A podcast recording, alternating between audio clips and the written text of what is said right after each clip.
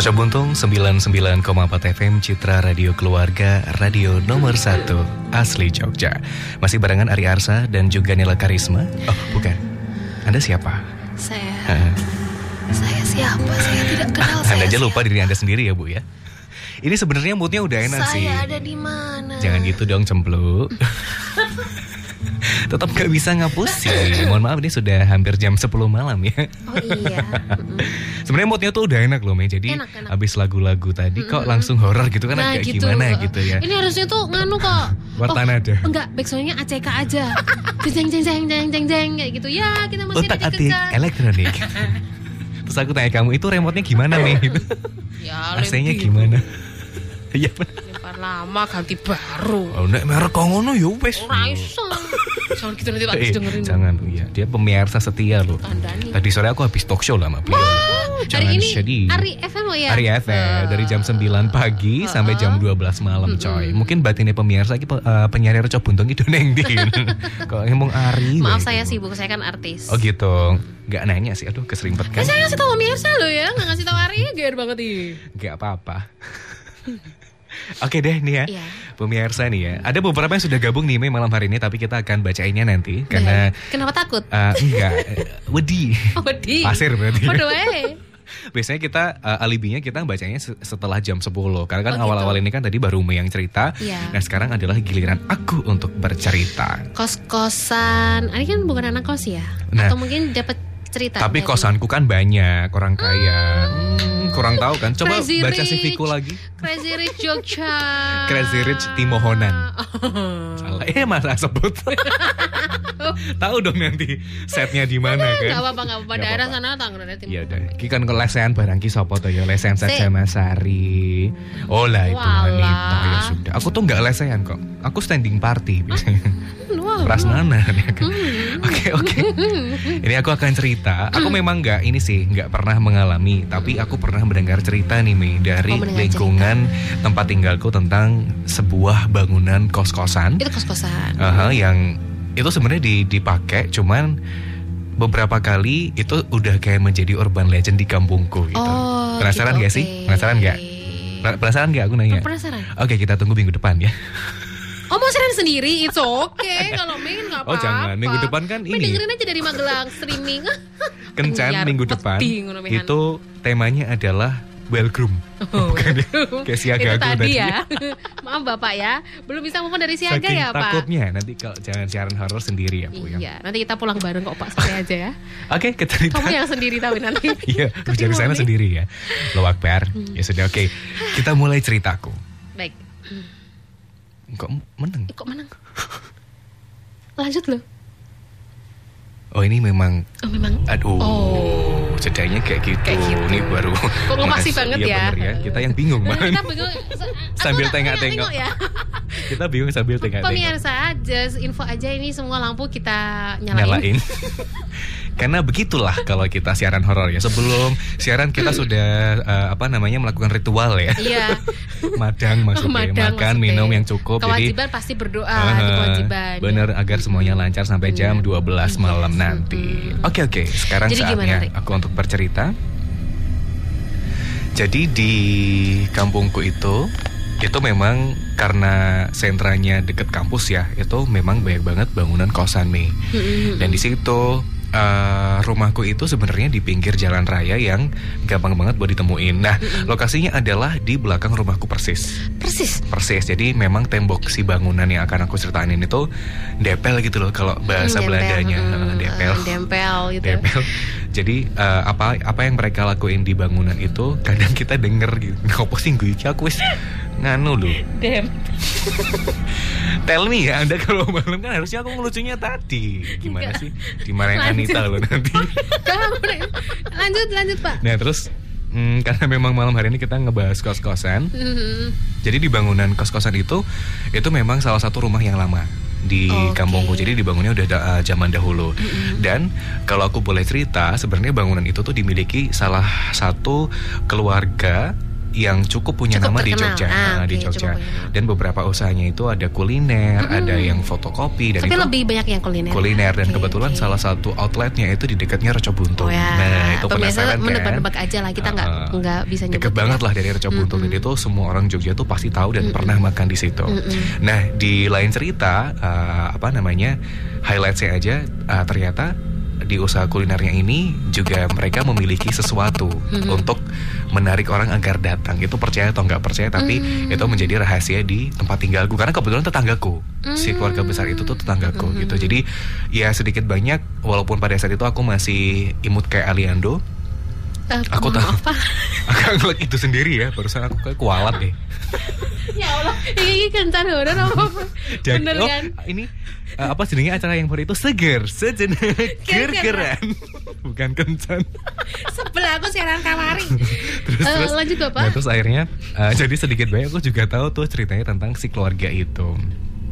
Jadi ceritanya pemirsa, eh, mereka itu bangunannya punya tiga lantai, tiga, atau dua Tiga lantai. Aku lantai, wow. aku lupa sih. Lumayan gede karena kan Gede-gede. rumah orang kaya kan. Or- Orang kaya desa kan masih mereka rumahnya gedong gitu kan dan itu pasti gede. Dan bisa dibayangin bahwa rumah itu tuh ada empat pilar tinggi di Wow, depan rumahnya oh dan iya. itu kan kuno banget kan. Maksudnya image rumah kuno banget itu ada di situ. Dan eh, kalau misal habis maghrib di tempatku dulu itu kan sepi tuh di kampung situ sebelum rame pendatang pendatang kampusnya kan sekarang eh, tambah besar kan. Dulu kan nggak sebesar itu kampusnya. Itu udah sepi banget dan jarang banget orang tuh eh, berani lewat depan kompleks rumahnya ini. Aku pun kalau mau ke warung itu mending aku muter daripada Mending lewat muter daripada depan lewat. rumahnya si keluarga besar ini. Karena, Karena lebih katanya- sering ditinggal soalnya ya. Apanya? Rumahnya? rumahnya kan? aku kira hatiku enggak ya. aku Baper masih masih dia, kecil, bapak-bapak, aku masih ibu-ibu. kecil. Oh iya, baik. Rumahnya itu ada penghuninya ya pada saat itu. Tapi aku nggak tahu apakah penghuninya itu tuh juga merasakan atau mereka itu tahu tapi kayak kamu cuek gitu ya.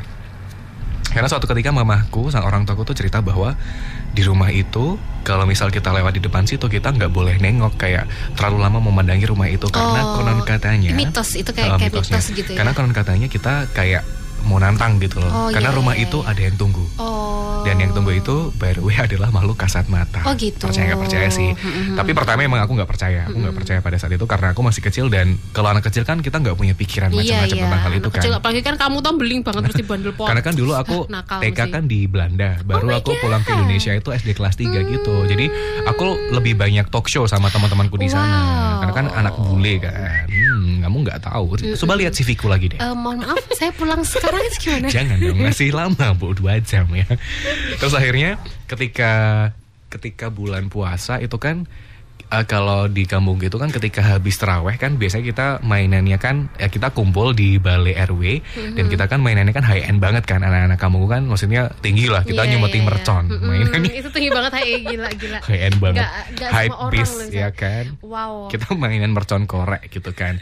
Nah kan soalnya kan biar banget kan jahat banget kan itu. Nah suatu ketika temanku itu karena kita nggak sengaja kita lempar-lemparan mercon-merconnya tuh kelemparlah sampai ke rumahnya itu ceritanya pada bulan puasa dan biasanya di bulan puasa itu rumah itu tuh mendadak sepi gitu loh Mei dan kayak penghuninya entah Penghuni itu kosannya tuh ke mana? Nah, mungkin kalau Mungkin kosan pulang kampung. Hmm. pulang kampung anak kosannya, tapi untuk yang keluarga intinya tuh mereka juga jarang banget aktivitas di situ selama bulan puasa. Itu Hmm, kayak ben bulan puasa setiap bulan puasa tuh mereka nggak nggak ada di rumah situ gitu loh. Kita Oke. pasti niteninya itu karena lampunya yang ini cuma depannya aja, tapi lampu dalam rumah tuh pasti mati semua. Pasti mati semua. Pasti mati semua. Oh, gitu ya. Penasaran kan? Nah, suatu ketika kita mainan mercon nggak sengaja dong kita Langsung aja ngelempar. namanya anak kecil Makanya ya, kita bandel temanku gitu. temanku kebetulan ngelempar merconnya itu masuklah ke Ke rumah ke rumahnya. Bu- nggak masuk ke sih, tapi halaman maksudnya. ke jalan depannya persis Oh. gitu loh. Jadi kan itu jalan kan. Jadi waktu ngelempar itu malah disabet sama temanku dan merconnya tuh jatuhnya di depan rumahnya si Mbah itu. Hmm. Nah akhirnya jeblok lah kan merconnya itu dan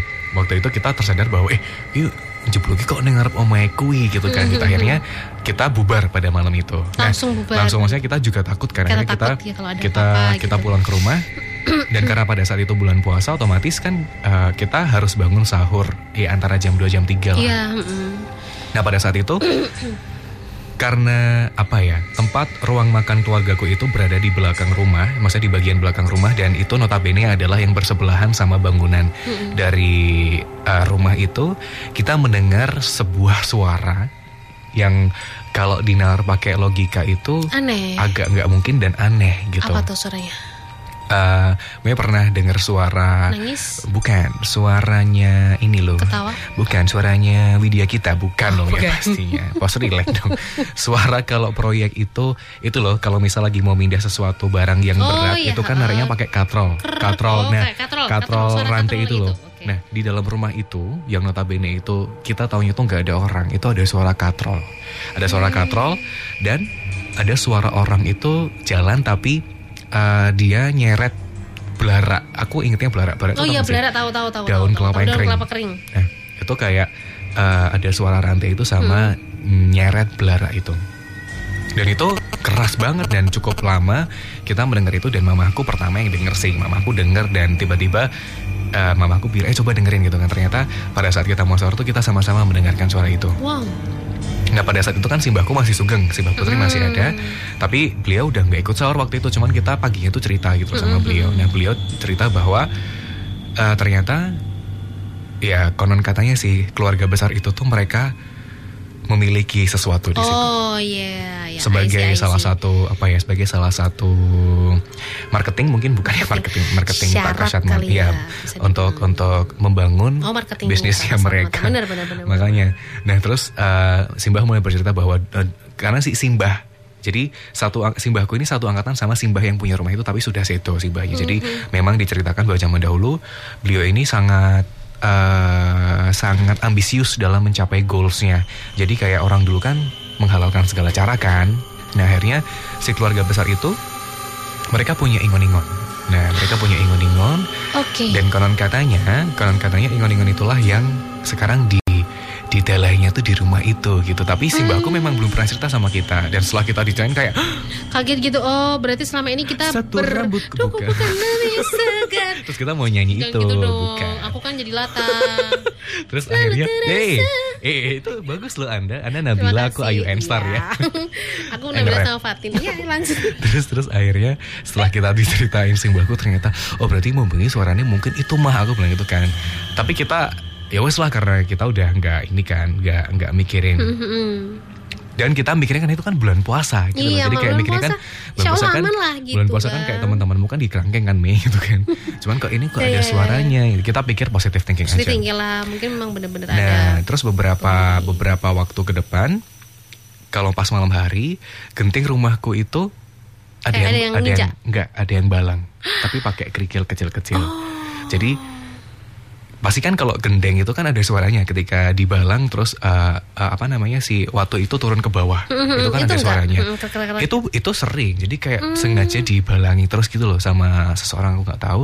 Tapi karena simbahku itu memang dulunya jadi simbahku itu kan tiga bersaudara. Dan kakak-kakaknya ini memang punya kemampuan untuk bisa, Bisa merasakan. merasakan. nah kalau simbahku ini Oke.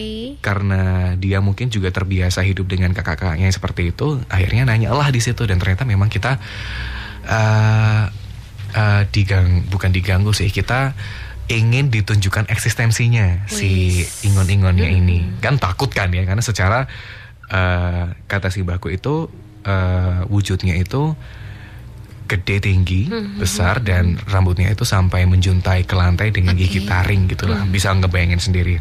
Jangan membayangin Norma Kahila lu kamu nanti dimarahin nanti dia WhatsApp tidur oh ya jangan dirasani.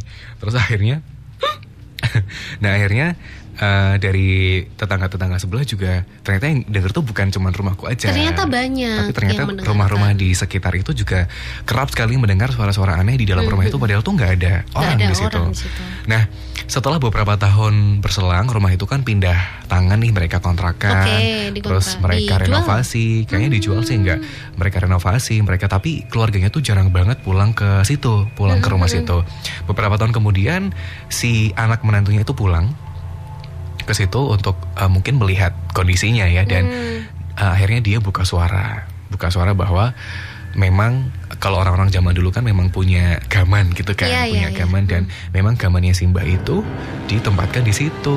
Maaf. Ditempatkan, maksudnya ngepas ya. Iya ngepasin banget. Eh, memang ditinggal di situ. Dan apa ya, mereka itu untuk menjaga agar si eh, sesuatu ini itu tidak mengganggu warga di situ, Hmm. itu mereka memang memiliki ritual sendiri. Itu itu nggak diceritain sama anak menantunya sih, cuman beberapa orang terdekat dari mereka mereka mengetahui karena di depan rumahnya mereka itu mereka menggantung ceker ayam cemani. Oh, Oke. Ceker ayam cemani. Yes. Cemani itu kan ayam yang hitam itu kan, hitam semua itu. Itu cekernya itu digantung di depan sampai umbiwan tuh banyak banget.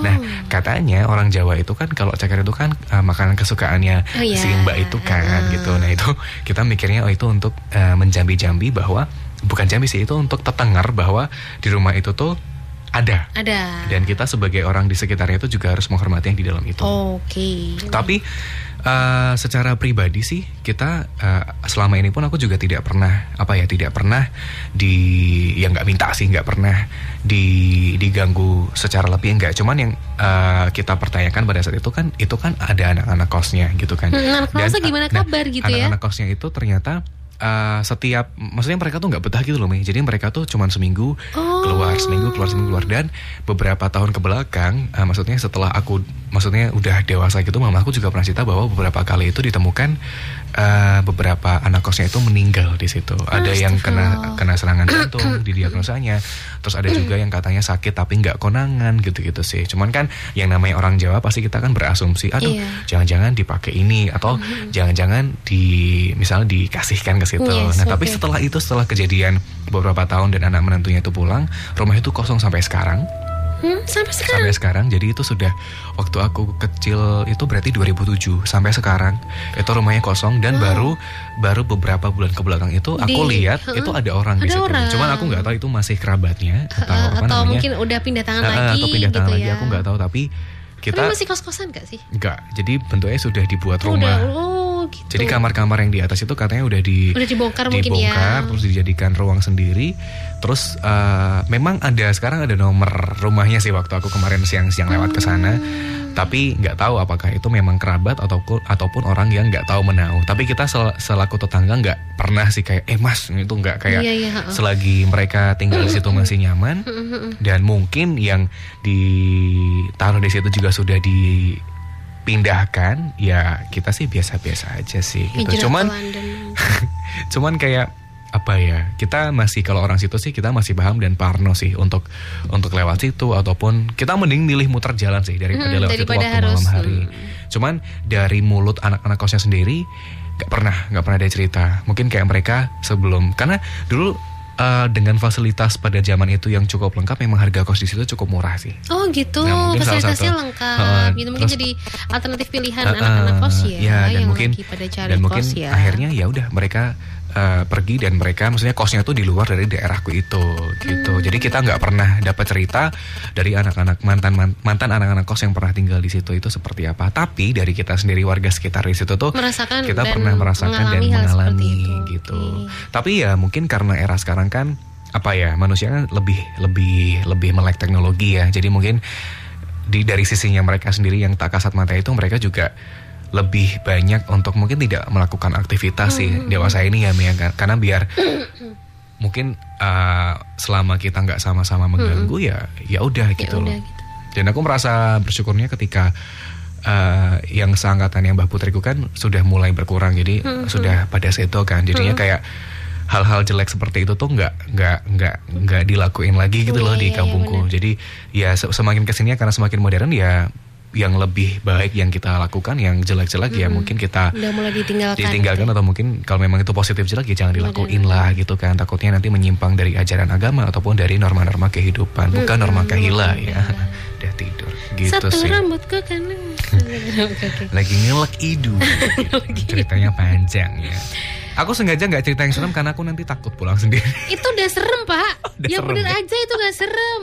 kalau biasanya sama ini kan kebetulan Alia lagi dengerin kita dari Shanghai nih katanya Oh serius? iya Oh, dia serius, streaming serius, dari. Shanghai karena kan Dia eh, sendirian. Karena aplikasi Reco Buntung itu kan bisa didengerin di mana aja. Wow, it Top so bingit kan. amazing banget gitu. Yang penting punya pulsa data, pakai Iya, data ya. Anda bisa streaming Reco Buntung di mana. Alia ada data nggak? Ada data kalau nggak ada, Tethering dari sini. mikir- mikirimin. Oh, aku kira tethering dari sini kan hebat sekali. nih. Crazy Rich Iya. Rich Buntung Crazy Rich like Jagalan. Yeah.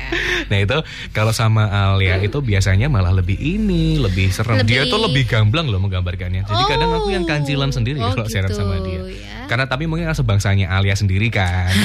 Jadi dia gamblang menceritakannya. Tapi kalau aku memang hanya eksplisit eksplisit seperti ini Yes, sih. Jadi yang penting aku nggak ketakutan sendiri. Gitu. Intinya sih itu sih. Tapi selama ini kalau siaran kencan yang edisi horor pulang aman kan? Ah, Alhamdulillah. Karena kan rambutku lebih segar. Oh, setirang kalau bisa. Udah gak ada iklannya. Aku sedih hari ini. Gitu sih cerita dari aku. Cerita pertamaku. Cerita pertama ya tentang kos-kosan ya. Mhm. Oke.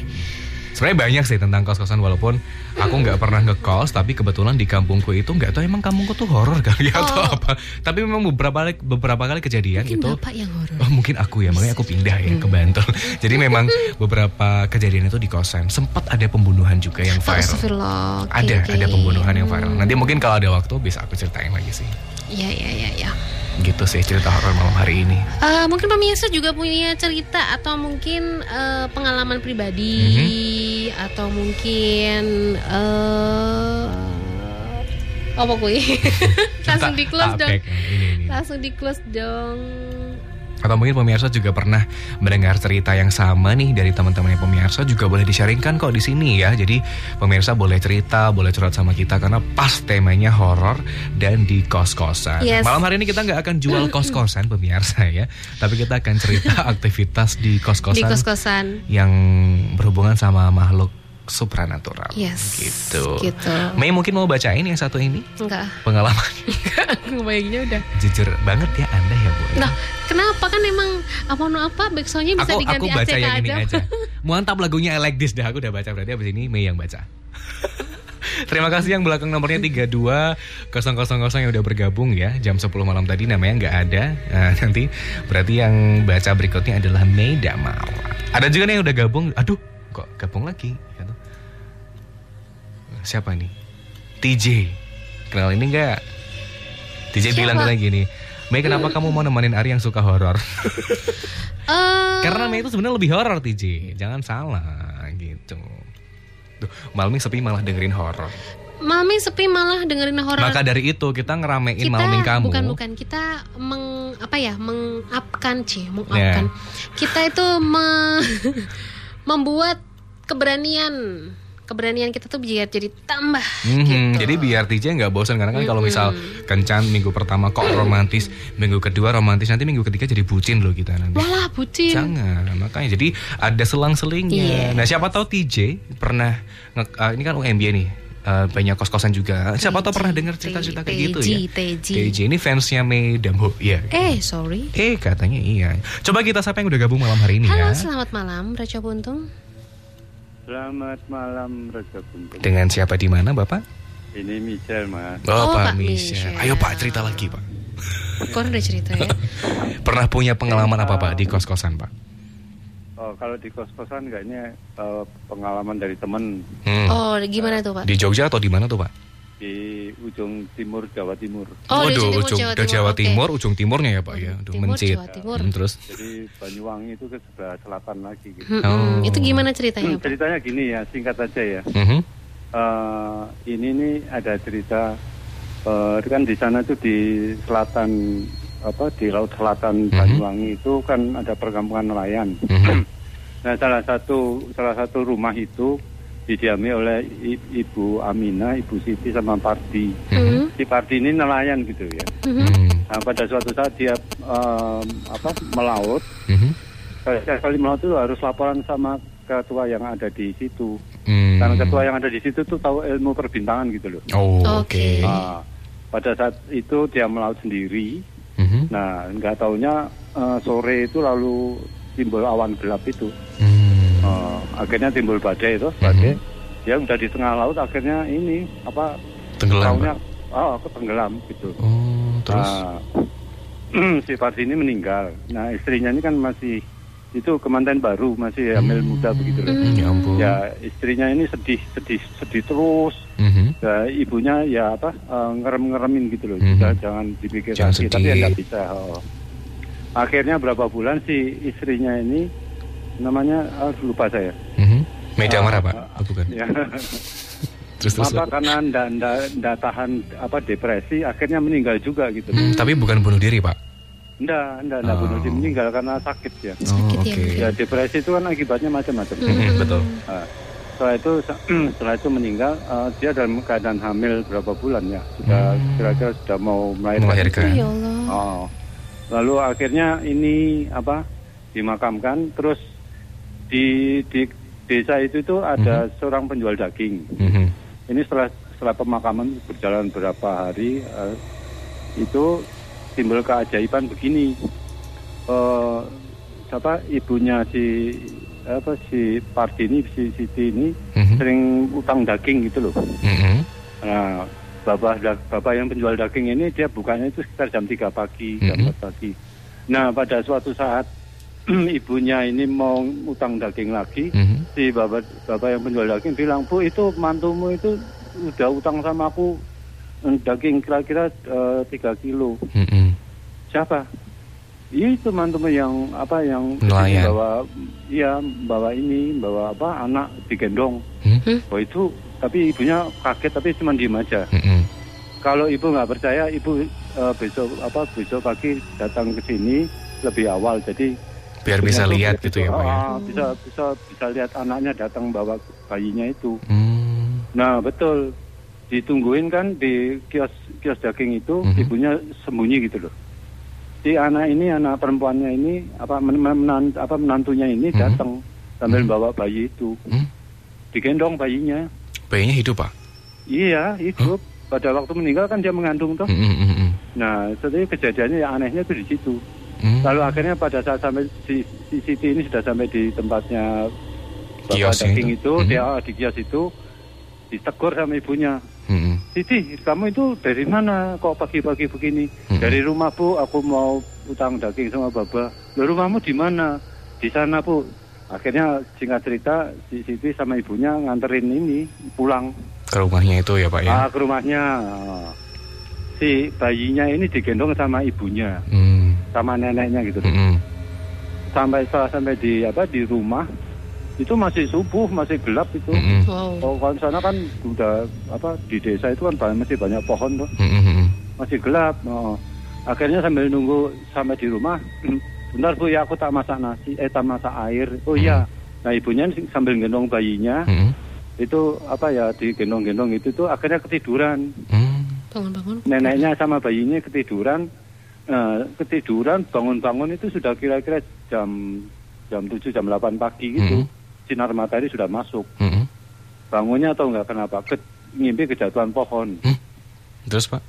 terus bangun itu ngimpinya gitu lalu bangun Mhm. kan kalau orang desa itu kalau kalau mau tidur Mhm. itu kan baju apa kebaya bajunya itu kan disangkutin di tempat apa tempat baju Mhm, mhm. Nah, jadi cuma pakai apa baju dalam gitu loh Mhm. Itu tahu nggak pada waktu dia bangun bajunya itu ada di ujung pohon Hmm? Nah, Terus? bayinya itu masih digendong sama neneknya, Hmm. herannya di situ. Iya. Hmm. Berarti rumahnya si an- men- menantunya itu tadi ternyata kalau pagi itu ternyata pohon besar gitu ya pak ya? Kuburan itu, kuburannya si Siti itu. Hmm. Nah, itu, itu ceritanya. Tapi bayinya hidup ya pak ya? Hidup sampai sekarang hidup, namanya saya samarkan aja Bowo. Hmm. Oh. Dan dia punya punya kelebihan begini nih. Saya pernah mancing sama dia di sana di suatu apa di suatu telaga gitu ya, telaga Mhm. mati. Mhm. Itu di telaga itu ada penunggunya toh. Mhm. Eh, teman-teman saya bilang apa sih Bowo bilang sama teman-teman saya udah jangan dulu nanti biar aku ngomong dulu sama yang itu sih Iya. bersil bersil itu penunggunya itu banyak gitu loh Hmm. Ah, lalu dikasih apa dikasih rokok itu Hmm. Dikasih rokok di pinggir-pinggir telaga itu Mhm. ya namanya minta izin ya Mhm. akhirnya itu akhirnya boleh kalau enggak nanti apa bisa tenggelam itu isinya lumpur terus semua tuh telaga itu Oh. dalamnya sekitar 2 meteran Hmm. karena si bawa ini punya kelebihan dia bisa berkomunikasi sama makhluk astral itu Hmm. akhirnya seolah-olah minta izin gitu loh Mhm. Berarti bapak temenan sama si bayi yang itu tadi ya pak ya? Iya, temen itu temennya temenku jadi Oh, temannya tuh. asal usulnya itu seperti itu. Hmm. Oh, oh. Tapi anaknya itu baik gitu loh, baik lalu suka nolong orang gitu loh. Hmm, ya alhamdulillah ya pak ya.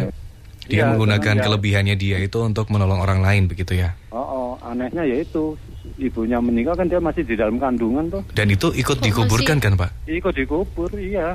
Ya, cuman itu ya karena apa? Tuhan punya kuasa ya itu. Iya benar-benar. benar. Oh, oh. Dan terus nasibnya si tukang dagingnya setelah tahu bahwa si Mbak Siti itu sudah meninggal gimana tuh pak?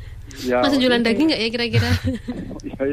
Enggak, kalau bapak itu kan ini apa ya dia orangnya kayaknya cuek gitu loh. Pokoknya aku jualan daging. Betulan itu gitu. kan untuk oh, oh, untuk melayani pelanggan-pelanggan di desa itu. Hmm.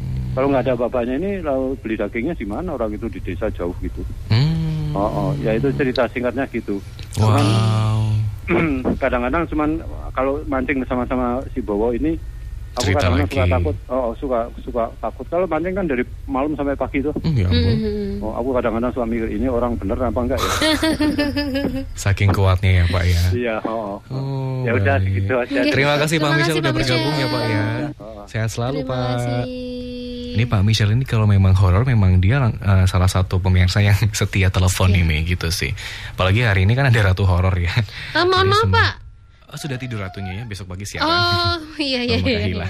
Saya wes tiwas itu hebat banget ya ternyata. ternyata itu cerita nyata, yang Pak Michel sendiri pun juga mengalaminya pemirsa. Mungkin pemirsa ada yang mau gabung lagi. Uh, ada lagi yang telepon. Kita angkat. Halo, selamat malam. Di Pateni, jangan goda gitu dong. Kan kayaknya udah setengah sebelas malam lu. Telepon telepon aja. Ya telepon siapa ya barusan? ya? Nggak tahu. Ada telepon lagi nggak? Eh, tidak kelip-kelip. Baiklah kalau begitu kita mungkin cooling down dulu pemirsa. Kita akan mendengarkan lagu yang mendayu-dayu ya di setengah sebelas malam ini. Ada lagu spesial dari mantanku Agnes Monica, mantan maaf, majikan. Mon, man- eh, ya belum belum, belum selesai Belum ngomong bu. ya? Jangan dipotong ya. Kita dengerin lagu dulu masih tetap di kencan barengan Ariarsa dan juga Mara. Mara.